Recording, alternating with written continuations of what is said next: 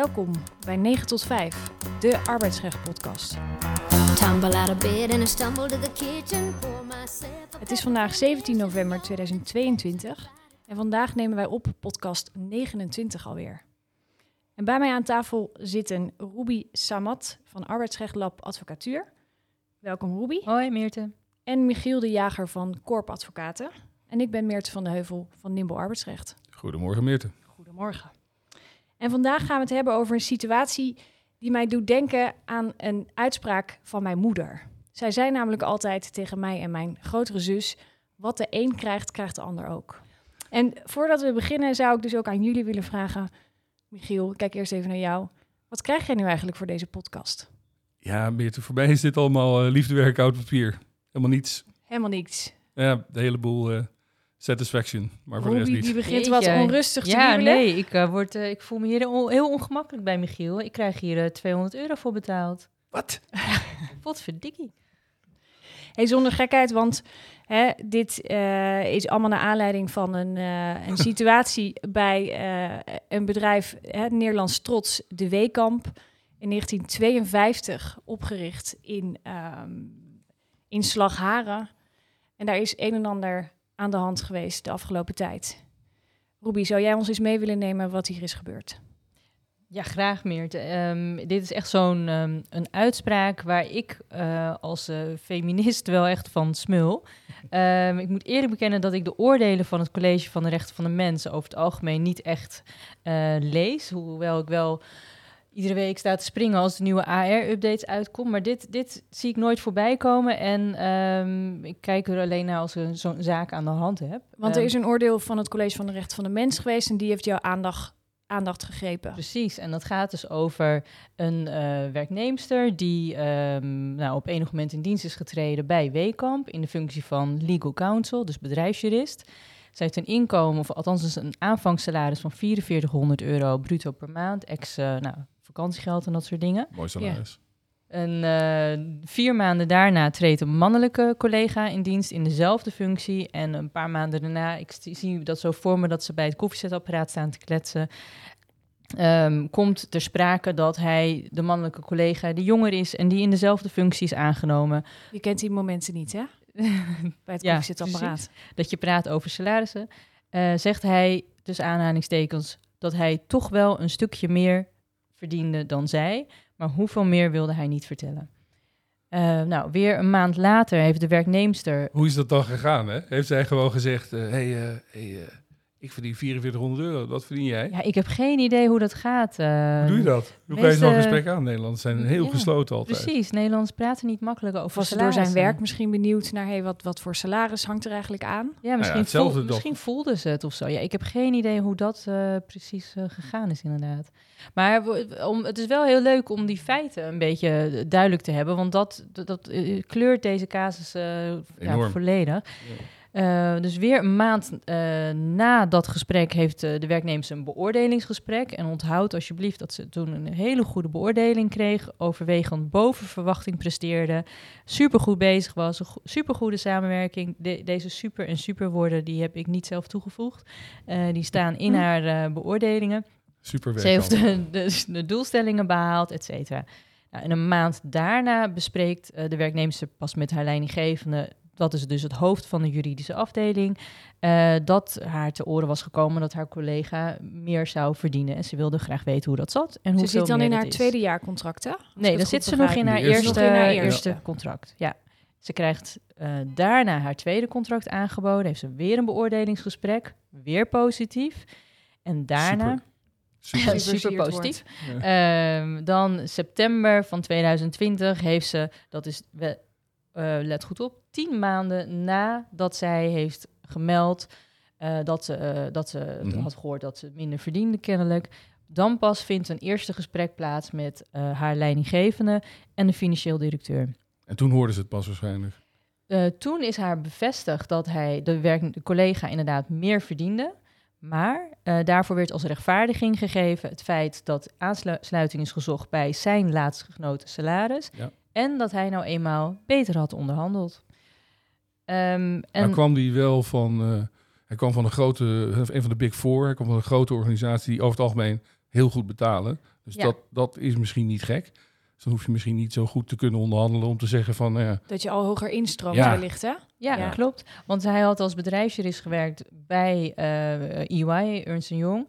Ehm, en ja, daar liggen de salarissen inderdaad gewoon Maar zij hoger. had ook al aardig wat werkervaring. Dat klopt. Zij, aantal jaren. als advocaat. ja, Ja. Exact. Had zij volgens mij meer jaren op de teller dan hij. Ja. Ja. om die vergelijking compleet te maken. Zij had zes jaar als advocaat gewerkt, eh één jaar als bedrijfsjurist, maar niet eh, de, als bedrijfsjurist vergelijkbaar eh, in de functie zoals de mannelijke collega dat had gedaan. Eh, zij had zich heel specifiek op bepaald soort vraagstukken gericht die niet zo relevant waren voor Re- Weekamp. Eh, en de mannelijke collega had ehm, ja, echt eh, met eh, regelgeving vraagstukken, stakeholder Mhm. management, Bijna vier Gewoon, jaar bij EY. ja, m- ruim drie jaar eh, oh, ja, bij een van de Big Four. Eh, ja, gewoon echt een, goede, 3,5 jaar. volwaardige eh bedrijfsjurist-positie had hij vervuld. Maar hij had, als ik het even mag platslaan, eh volgens Weekamp gewoon beter onderhandeld. Dat onder andere. Er zijn twee redenen opgegeven in dat Ja. gesprek. Dus hij, eh, ze hebben aansluiting gezocht bij het laatste salaris van de man. En hij had beter onderhandeld. Nou, Kennelijk, daar, ja. kom ik, daar kom ik er straks nog wel eh, over te spreken. Want dat is natuurlijk heel interessant wat daar gezegd is. Hm. En het salarisverschil was op dat moment nog de duizend. Dat was nog niet bekend volgens Dat mij. was, ja, nee, Of toen toen, werd het toen bekend. dat werd toen bekend dat het ehm eh 1000 euro bruto per maand was. Best wel veel. Ehm, ja. Nou, weet je, ik zeg dat nu dat het toen bekend werd, maar misschien is het daarvoor al wel bekend geworden. Eh, dat heb ik niet helemaal eh, meer paraat. Maar volgens mij was ik dacht in dat, in dat, dat gesprek. zij het al wist, maar ehm, Ja, dat zou ook kunnen. uiteindelijk is wel gebleken dat het om 1000 euro Ja, ging. dat is Hm. flink. 1000 euro per maand eh, op, eh, hele, ja, op dat salaris. 12.000 euro per jaar. Kan jij goed rekenen? Ja? Ehm, en ehm, nou, vervolgens ehm, werd in dat gesprek aangekondigd dat er een gesprek zou volgen met HR. Eh, maar de werknemster heeft dat gesprek toen niet gehaald, want ze viel ziek uit. Nou, daar kan ik me van alles bij voorstellen. Ze is eh, ruim twee maanden ziek. Ja. Eh, vervolgens eh, vinden telefoongesprekken plaats, alsnog met HR. Tijdens ziekte. Tijdens haar Ja. ziekte, inderdaad, in december van 2020. En in een van deze telefoongesprekken wordt eh, aan haar eh, een andere uitleg gegeven. Dus er wordt de, de eerdere uitleg wordt ingetrokken. En er wordt gezegd: de werkervaring van de mannelijke collega is waardevoller dan die van jou. En daarom heeft hij een hoger salaris dan jij. Maar eh, in een, een, een iets later gesprek op een vrijdag 18 december 2020 bevestigt HR dat het salaris van de vrouw per 1 januari 2021 gelijk zal worden getrokken. Dus zij gaat Kijk. vanaf dat moment hetzelfde, maar vanaf dat moment hè, hetzelfde verdienen als de mannelijke collega. Ja. En zelfs, ze zijn allebei nog iets omhoog gegaan, hè? Ja, klopt. Ze zijn in- inderdaad eh, 5750 50, ja. euro bruto per maand. ex. Voor allebei. Ex, Ja, ja. precies. Nou en in dat weekend meldt, meldt de werknemer zich gedeeltelijk beter, om dan vervolgens maandag eh, van haar leidinggevende te horen dat er twijfels zijn gerezen over haar functioneren. Ehm, Super is dan niet meer... eh, ze is dan niet meer woord, supergoed nee. en ze is ineens ook niet meer eh, ja, supergoed in haar samenwerking. Ehm En ineens, dit was nog de oude leidinggever, hè? want ze krijgt op een gegeven moment een nieuwe. Ja, dit is haar, eh, Haar- dat is een vrouwelijke leidinggevende. eh, overigens. Ehm, die haar eerder eh, per e-mail heeft laten weten dat ze dus eh, nou ja, goed functioneerde en juist eigenlijk heel veel werkervaring met zich meebracht. Ehm, En die naar ik begreep, want ze heeft uiteindelijk ook eh, plaatsgenomen aan de tafel bij Jinek. Eh, dat is ook de leidinggevende geweest die zowel haar heeft aangenomen als de mannelijke Klopt. collega. Ja, Vind ik ook nog wel relevant om de situatie te Ja, schetsen. hè, dat dat dus dezelfde persoon is geweest die ook met allebei heeft gesproken over salaris, naar ik aanneem. ja Zeker, ja. dat, is, dat is dan zo, ja, ik- dat is dan zo jammer om te lezen dat een, dat zie je natuurlijk wel vaak, maar dat dat, dat dan een vrouwelijke leidinggevende is geweest. Eh, goed, zijn eh, ook net mensen, hè? nee, maar goed, weet je, ja. Kunnen dat, ze kan dat niet meer terugnemen. Ik denk dat ze er spijt van heeft en dat ze dat voortaan niet meer zal doen, verwacht ik. Ja, maar ze voert natuurlijk ook gewoon het beleid uit. Hè? Ze heeft, verzint het niet helemaal zelf. Dat klopt, ze daar wordt communiceert dat natuurlijk wel. Maar wordt natuurlijk uitgezet de, door eh, de leidinggevende is het hoofd van de juridische afdeling. Ja, maar is en niet dat de bestuurder van, van Weekamp. Nee, nee, maar dat is ook nog, waar- daar is nog een overweging over gemaakt in, ehm, in het oordeel van het college. Dat zo'n eh leidinggevende in dit geval ehm, echt wordt gekend. En dat je niet kan zeggen, ja, maar HR doet een voorstel voor een salaris. Nee, nee, dat Eh, geloof ik. dat, eh, dat wordt wel Laten echt we- intern besproken. Laten we anders even parkeren wat, eh, ja, wat het college daarover heeft gezegd en ook de rechtbank. Want we waren geëindigd bij op vrijdag is deze eh Nou, al bij dame... maandag. Nee, hold your horses. op vrijdag is zij gebeld. Hè, we gaan het gelijk trekken eh, met een mannelijke collega. Gaat een weekend overheen en dan lijkt de wereld er voor de leidinggevende toch heel anders uit te zien. Hè, zij is opnieuw gebeld. En wat is haar toen gezegd? Je komt op een verbetertraject. Exact. Eh, althans, het wordt aangekondigd. Eh, dit is allemaal einde jaar. Ehm, per het nieuwe jaar van 2021 treedt een nieuwe manager aan. En ongeveer vijf weken daarna zegt deze nieuwe manager... ja, we zijn ontevreden over jouw functioneren. Nou ja, kennelijk nog steeds of zo. Mhm. Ehm, en dat is de reden dat we geen vast contract hierna met jou aangaan... na die twee tijdelijke contracten. Maar je krijgt nu een contract voor een half jaar. Nou, en dat is de genadeklap voor deze werknemster... die eh, nou ja, nog eh, nou, amper een maand later opnieuw eh, uitvalt... Eh, haar derde contract gaat vervolgens wel automatisch in. eh, maar zij eh, nou, werkt geen dag meer en eh, gaat Wordt uiteindelijk. eh, Het contract dienst. wordt niet verlengd en zij gaat ziek uit dienst. Nou, dit is zo, ja, ze zou het hierbij kunnen hebben laten zitten. Ja. Dat, dat zou. En dan Zou komt die, hè, die drukkende termijn die we in de wet eh, terug Ja. kunnen vinden. Dat jij dan als werknemer of werknemster twee maanden in dit geval de tijd hebt om eh, actie te ondernemen. En dat doet ze ook. En dat doet ze. Dat Ze eh, rent naar de kantonrechter. exact. Hè, want samenvattend, we hebben hier dus een werknemster. Die komt erachter dat ze voor dezelfde werkzaamheden, dezelfde rol, een ander salaris ontvangt dan haar mannelijke collega. Zij wil daarover in gesprek met haar werkgever. Eh, en vervolgens wordt het wel gelijk getrokken. Maar wordt er gezegd, wij kunnen niet met jou verder vanwege functioneringsachtergronden. Ja, En wat gebeurt er daarna, Michiel? nou ja, er wordt niet gezegd, we kunnen niet met je verder. Er wordt gezegd, je komt op een verbetertraject en je contract wordt voor bepaalde tijd verlengd. Een beetje de deur open houden naar, nou ja, als je dan alsnog goed gaat doen, dan hè, misschien dat je dan nog voor onbepaald. Maar dat, daar komt ze niet meer, want ze valt gewoon uit ja. met uiteindelijk een burn-out. Nou, kijk, en, en, en tot dat moment, hè, want je kunt, die zaak die komt natuurlijk bij de, bij de kantonrechter. Eh, ze presenteert die zaak ook zoals jij hem net hebt samengevat. Eh, ik- en ik word als vrouw, zegt ze feitelijk, ik word als vrouw gewoon gediscrimineerd. Ik word minder betaald voor dezelfde functie. En wil zij dan haar baan terug? Of wil zij iets anders? Nee, eh, dat wil ze niet. Ehm, maar ehm, eh, wat ik eigenlijk wilde vertellen was. ehm, nee, dat wil ze niet. Maar wat ik wilde vertellen is, zij gaat. Als je ziet hoe die zaak bij de rechter aankomt, zo, zo zien wij misschien wel honderd zaken per jaar. Eh, het wordt nu heel erg geplaatst, en dat is ook logisch door die uitspraak van het college in de sleutel van ongelijke behandeling. Ja. Ehm, en de feiten worden natuurlijk op een bepaalde manier gepresenteerd. Eh, de feiten zijn nu volledig, zijn bij de college uitspraak volledig gemaakt. Ik kan niet uitsluiten dat die feiten niet helemaal volledig waren toen ze gingen procederen. Die termijn van twee maanden is vrij kort. De voorbereidingstijd voor die procedure is veel korter geweest. Als ik die zaak bij de kantonrechter lees en wat er daar allemaal gesteld is, dan vielen me een paar dingen op. Maar Michiel, ik onderbreek jou even. Kun jij misschien even kort toelichten hoe de uitspraak van de rechtbank, of hè, zij gaat eerst naar de rechtbank, Ja. en de uitspraak van het college, hoe verhoudt zich dat tot elkaar? Nou ja, ehm, de uitspraak van de rechtbank is de eerste stap die ze moet zetten. Eh, en, en vervolgens eh, heeft ze. eh, dan gaan we, lopen we eigenlijk stappen we er helemaal overheen. Dat Maar kan. het zijn, het zijn twee losse eh zijn uitspraken twee losse geweest hè, procedures. die na elkaar zijn gevolgd. Het zijn twee losse Ja, procedures. Kijk, je gaat natuurlijk eerst naar de kantonrechter omdat de wet dat zegt. eh, dat je twee maanden hebt om dat, eh, om dat te doen. Ehm, dat doet ze. Ze krijgt een negatief antwoord bij de kantonrechter. Of de kantonrechter wijst de vorderingen af. Zegt dat er geen sprake is van een eh, ongerechtvaardigd onderscheid. Er is geen discriminatie, geen ongelijke beloning. En dan kan zij een aantal dingen doen. Eh, dat doet ze ook. Je kan in hoger beroep. Dat doet ze. Mhm. En wat ze heel slim heeft gedaan, denk ik, in deze zaak, is dat ze tussendoor naar het college eh, voor recht van de mens is gegaan. Ehm, en daar komt die uitspraak uit, die Ruby zo meteen zal Mhm. gaan behandelen. Eh, maar Want zij krijgt uiteindelijk bij de rechtbank een afwijzing op een vordering tot een geldbedrag. Ja. Hè, zij wil een billijke vergoeding, die, Ja. is, die is niet lullig. nee, Eh 140.000 euro, ja, krijgt ze niet. die krijgt ze niet. Nee, de rechter, en dat is een beetje het punt. Hè. Die rechter zegt, ik kom daar niet aan toe.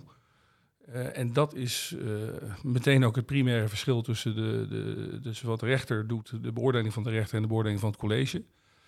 Ehm, waarbij de rechter zegt, je hebt onvoldoende gesteld als eiser, je hebt onvoldoende gesteld om te komen tot eh, een vermoeden dat er sprake is van ongelijke behandeling. En Ja. eh, dus de rechter past op zich het systeem van de wet, artikel 646, past ze goed toe. Ehm, maar de invulling daarvan is niet juist. Want eh, het college doet dat wat scherper. En die zegt uiteindelijk van ja, daar waar de rechter zegt, je hebt die lat van het vermoeden niet gehaald, die drempel, zegt Mhm. het college, op het moment dat jij eh, kunt zeggen, ik ben een vrouw, ik werk in dezelfde functie en ik krijg minder betaald, dan ben je er eigenlijk al.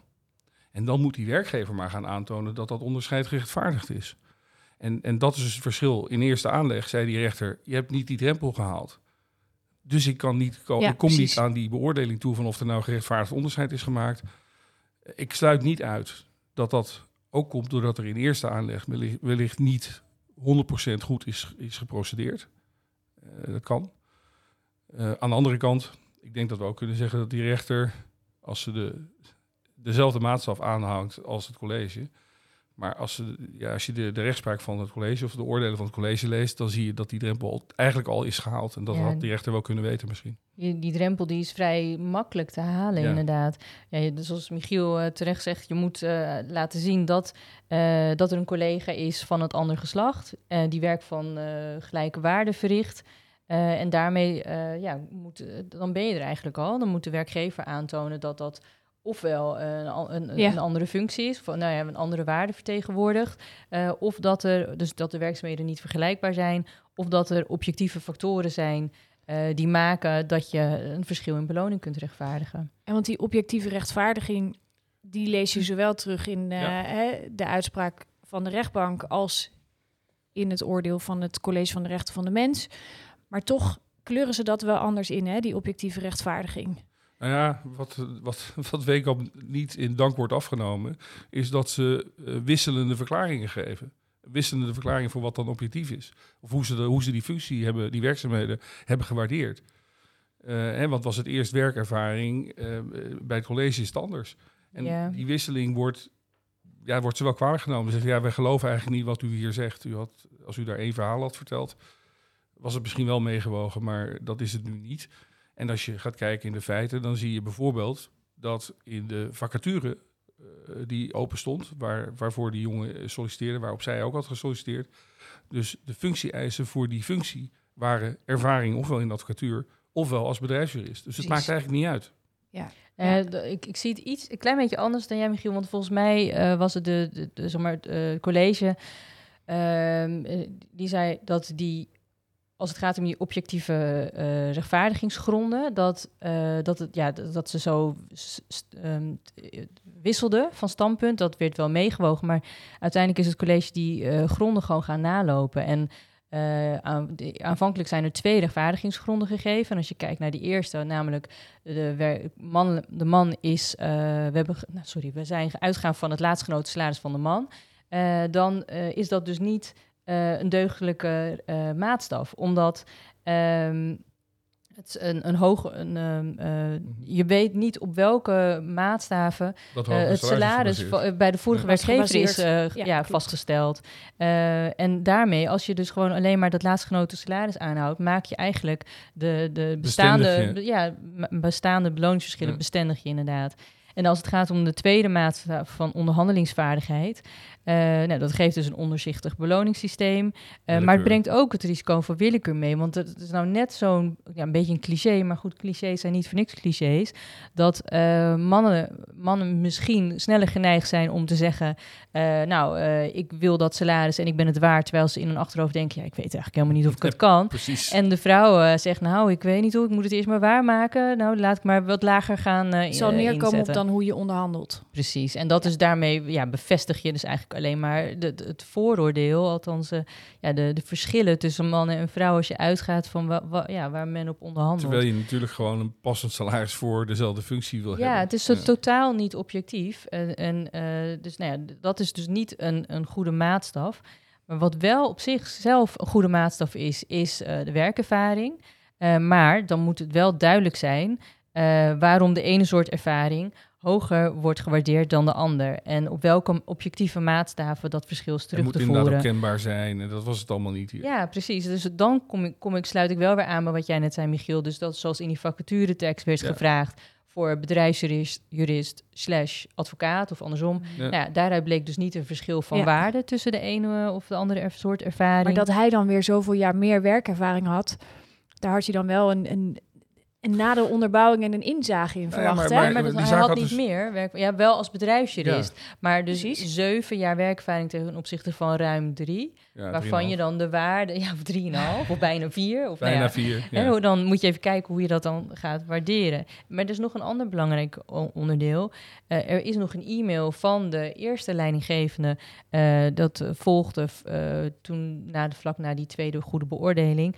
Dat, waarin de leidinggevende nog eens bevestigt dat, die, dat eigenlijk die werknemster veel meer eh, echt goede, en dat specificeert ze ook, goede ervaring met zich meebracht.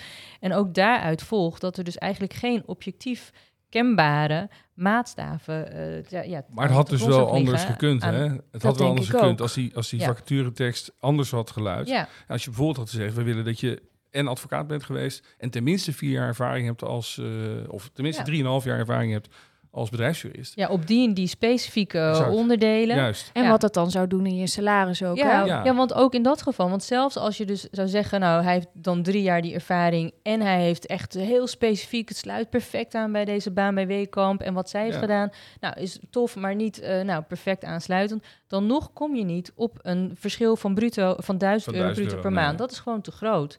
Dat, dat, dat, dat, Dan mag er ja. wel een verschil zijn, maar het moet niet zo groot Ja, zijn. dat is niet helemaal klopt. Nee, maar ik ben het niet helemaal eens nog met die... Kijk, ik, ik heb wel gelezen dat het college zegt van ja, je mag niet, je mag niet het salaris elders meerekenen, want dan bestendig je misschien wel Ja. eh, de, de, de voordelen die in, da- in die andere organisatie golden. Dat is waar. Maar je moet dat denk ik van geval tot geval bekijken. Of dat zo is en, en waar dat op is gebaseerd. Want het kan best zijn dat bij EY de mannen en de vrouwen als bedrijfsjurist gewoon allemaal dat geld Ja. verdienen. Ja. Snap je? En dan is het wel een, een maatstaf Ja. waar je rekening mee Maar houdt. dat moet je dan weten. Dat moet je dan wel weten. Dat moet je wel nagaan. Ja. In die lijn vond ik het ook bijzonder om te lezen, zowel in, in, het rechtbank, eh, in de rechtbankuitspraak als die van het College van de Rechten van de Mens. Hoe wordt gekeken naar de gelijktrekking van het salaris? Hè, is dat nu ingegeven vanuit eh werknemster? Ja, je hebt gelijk. Hè? Ja. Eh, je hebt gelijk. eh, excuus, we gaan het nu herstellen. Ja, maar dan hadden ze met terugwerkende kracht Ja, moeten doen. precies. Ja. Eens. Maar zij zegt, ik had uit die gelijktrekking inderdaad, hè, daar mag ik uit afleiden dat ik gelijk had. En tegelijkertijd is het een beloning geweest voor mijn functioneren. Dus dat jullie naderhand zeggen, eh, hè, wij hebben wat aan te merken op jouw functioneren. Dat Ja. is wat gezocht. Ja. De Weekamp zegt op haar beurt, wij hebben dat gedaan omdat wij vooral van de discussie af wilden. Ja, maar weet je, Meert, echt, als je dan vervolgens... Ik heb even het persbericht erbij gepakt van Oh ja, de mooi. van 9 november. Ik schrok er een beetje van. Ik dacht, is er nou niemand die jullie hierover heeft geadviseerd? Ik kan me niet voorstellen dat je advocaat dit gezien heeft. Want er staat dus onder andere in... Weekamp zegt dat het een individueel geschil betreft... dat niets te maken heeft met beloningsdiscriminatie op grond, grond van eh, geslacht. Zo. Nou, dat vind ik dan wel grappig op zich. Ehm, dat het verschil in salaris eh, tussen de twee te maken had met een verschil in relevante werkervaring. Volgens mij heeft het college daarover gezegd dat dat eh, standpunt eh ja, sneuvelt. Onhoudbaar was. Ja, en dan vervolgens refereert Weekamp naar de rechtbank. Die zegt dat, eh, dat het, de rechtbank eh, heeft geoordeeld dat Weekamp inderdaad geen verboden onderscheid heeft gemaakt op grond van geslacht. Maar ehm, eh, kijk, een oordeel van, de, van het college is weliswaar niet juridisch bindend, maar wel gezaghebbend. Het is echt zo'n beetje het opperhoofd als het gaat over vraagstukken over ongelijke behandeling. Dat, Maar- dat is de deskundige. Eens, maar tegelijkertijd, eh, het hoge beroep is nu niet doorgegaan, maar in hoger beroep heb je wel weer een nieuwe weging van alle feiten en omstandigheden. Nou zeg ik niet dat met deze feiten en omstandigheden en hoe Weekamp het hier heeft aangepakt, dat, dat ze er beter vanaf waren dat ze gekomen. het wel hadden gered, dat zeg ik niet, maar het is natuurlijk, dat oordeel neem je mee, dat breng je natuurlijk in, maar Ja. tegelijkertijd komt er een hele nieuwe weging van alle feiten en omstandigheden. In hoger beroep kun je natuurlijk ook weer nieuwe feiten stellen. Eh, van beide kanten overigens. Dus ik zeg niet dat het anders is geweest. Wat ik wel raar vind overigens, is dat als je dan een deal maakt met elkaar, dat je, wij, wij maken volgens mij allemaal afspraken over de communicatie. Hè? Wat we gaan Ja, zeggen. dat zij vervolgens wel bij? Jinek aan tafel mag schuiven, bedoel Ja, je? joh. Ja, maar Ja, gewoon exact. überhaupt in vol in de publiciteit. Mean, ik denk, Ja. ik weet, wij, hebben, wij zaten er ook daar ons hoofd over te breken van hoe dat nou kan. Kan dat, ja. Ik denk dat het komt doordat de werknemster heeft mogen procederen namens of op kosten van het Clara Wigman Instituut.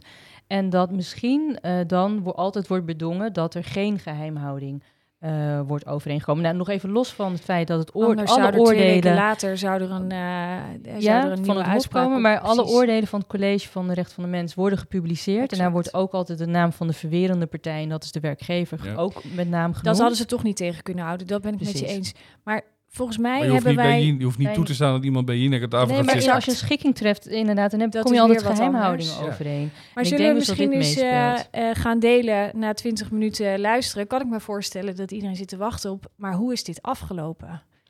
Ja, er is wat dus is er dus uiteindelijk dus dan geschikt? Ehm, er is een schikking gekomen van 113.000 euro bruto. En dat be- behelst het verschil in salaris en een ontslagvergoeding. En ik begreep vanuit nou, die eh, uitzending met Jinek dat dat wel een hoger bedrag is dan de werknemster in de procedure bij het Hof, geloof ik, zou hebben gevraagd. Ehm, ja, dus dat is de uitkomst. Want Bij de kantonrechter vroeg ze nog wat meer, maar... Ja, dat is 140. Ja, 140. Ja. Ja, en- maar dit is dus wel twee weken geschikt, inderdaad, zoals Michiel zei, voor die hofuitspraak. Ja. Maar nadat dus dit oordeel van het college is eh Nee, ze heeft dit, eh, procesrechtelijk is het best wel slim gedaan, want die eerste procedure is misschien niet helemaal goed gegaan. Dat is misschien ook niet haar eigen schuld, maar dat is gewoon niet goed gelopen. Die bij het college natuurlijk wel. En ik denk dat dat op zich wel de juiste, de juiste uitspraak is. En, en tactisch is natuurlijk super handig om dat net te doen voor de rest. Ja, voor, en voor En het volgens mij heeft de Weekamp inderdaad nog wel aangevoerd hè, ehm, dat het college zich eh, niet ontvankelijk zou moeten verklaren, omdat ze al bij de rechtbank was geweest en het al bij het Hof lag. Hè. Maar, Nee, maar, daar juist, zijn ze exact. Daar juist zijn ze niet in vanwege- meegegaan. Omdat, juist omdat ze hoger beroep had ingesteld, Juist. stond het oordeel niet vast. En eh, was er geen kracht van gewijsde. Dus ja, Ja, en, en daarnaast eh, staat er ook in, eh, in de wet van, voor college voor de, voor de rechten van de mens dat een rechterlijke instantie het college zelf ook om een oordeel kan vragen. Dus het had heel, goed heel goed gekund dat het Hof dat ook zelf bij het college nee, maar had had ze, als ze geen hoger beroep had ingesteld, dan ja, was nee, het dan had ze, hè? nee, dan had ze geen ingang meer Had gehad. ze geen ingang gehad. Dus dat Nee. is slim bekeken. Dat die twee dus parallel aan elkaar kunnen bestaan. Ja. En dat de deur anders voor je dicht gaat bij het Zo College van de. Rechten van de Mens. Ehm, ik denk dat wij richting een einde gaan. Ehm, ik wil nog één ding toevoegen. Hè, wij maken deze podcast natuurlijk geheel belangeloos. Ja. Eh, dat daar geen misverstand over kan Verklap je dat bestaan. nou dus we gewoon. krijgen gewoon evenveel, Jongen, we krijgen evenveel betaald voor deze podcast. En ik wil om te beginnen Ruby en Michiel danken voor jullie bijdrage vandaag. Eh was mij weer een groot genoegen om met jullie deze podcast op te nemen. Eh, voor de luisteraars thuis, dank voor ehm, het luisteren naar deze 29e podcast alweer. En u kunt deze en alle voorgaande afleveringen terugvinden via www.9tot5podcast.nl. En ook daar het ondersteunende materiaal eh, per podcast terug te vinden. Het, dus die uitspraak van het college van de rechten van de mens en die van de rechtbank. Wij zijn overigens ook te vinden, helemaal van deze tijd, via Instagram en LinkedIn. En dat is ook te vinden via onze eh, normale website www.9tot5podcast.nl. En dan wil Michiel graag nog afsluiten met een mooie eh, quote. Michiel? Ja, dat, dat, was, een, eh, dat was echt een briljante quote. Eh, totdat ik hoorde waar, waar die dag voor stond. Kijk, wij zijn deze podcast gaan maken omdat eh, deze week was het Equal Pay Day. En dat klinkt natuurlijk heel feestelijk. Maar eh Ruby wees me erop dat Equal Pay Day eigenlijk niet zo'n feestelijke dag is. Want dat is eigenlijk de dag in het jaar waarop de vrouwen zijn uitverdiend met verdienen en de mannen nog de rest van het jaar doorverdienen. Dus dat is best wel, eh, eh, dat is best wel confronterend. Maar we hebben we ook- nog niet eens gehad over Black Women's Equal Pay Day, Dat, wat nog veel eerder Dan waren we in juni In eh, aan de september beurt al. geweest. Maar eh, we kunnen denk ik wel concluderen dat als 31 december nou Equal Pay Day is, dan is iedereen volgens mij gelukkig. precies. Ik in ieder geval wel. Zo is het. Dank voor jullie bijdrage. Out on the streets. The traffic starts jumping with folks like me on the job from nine to five.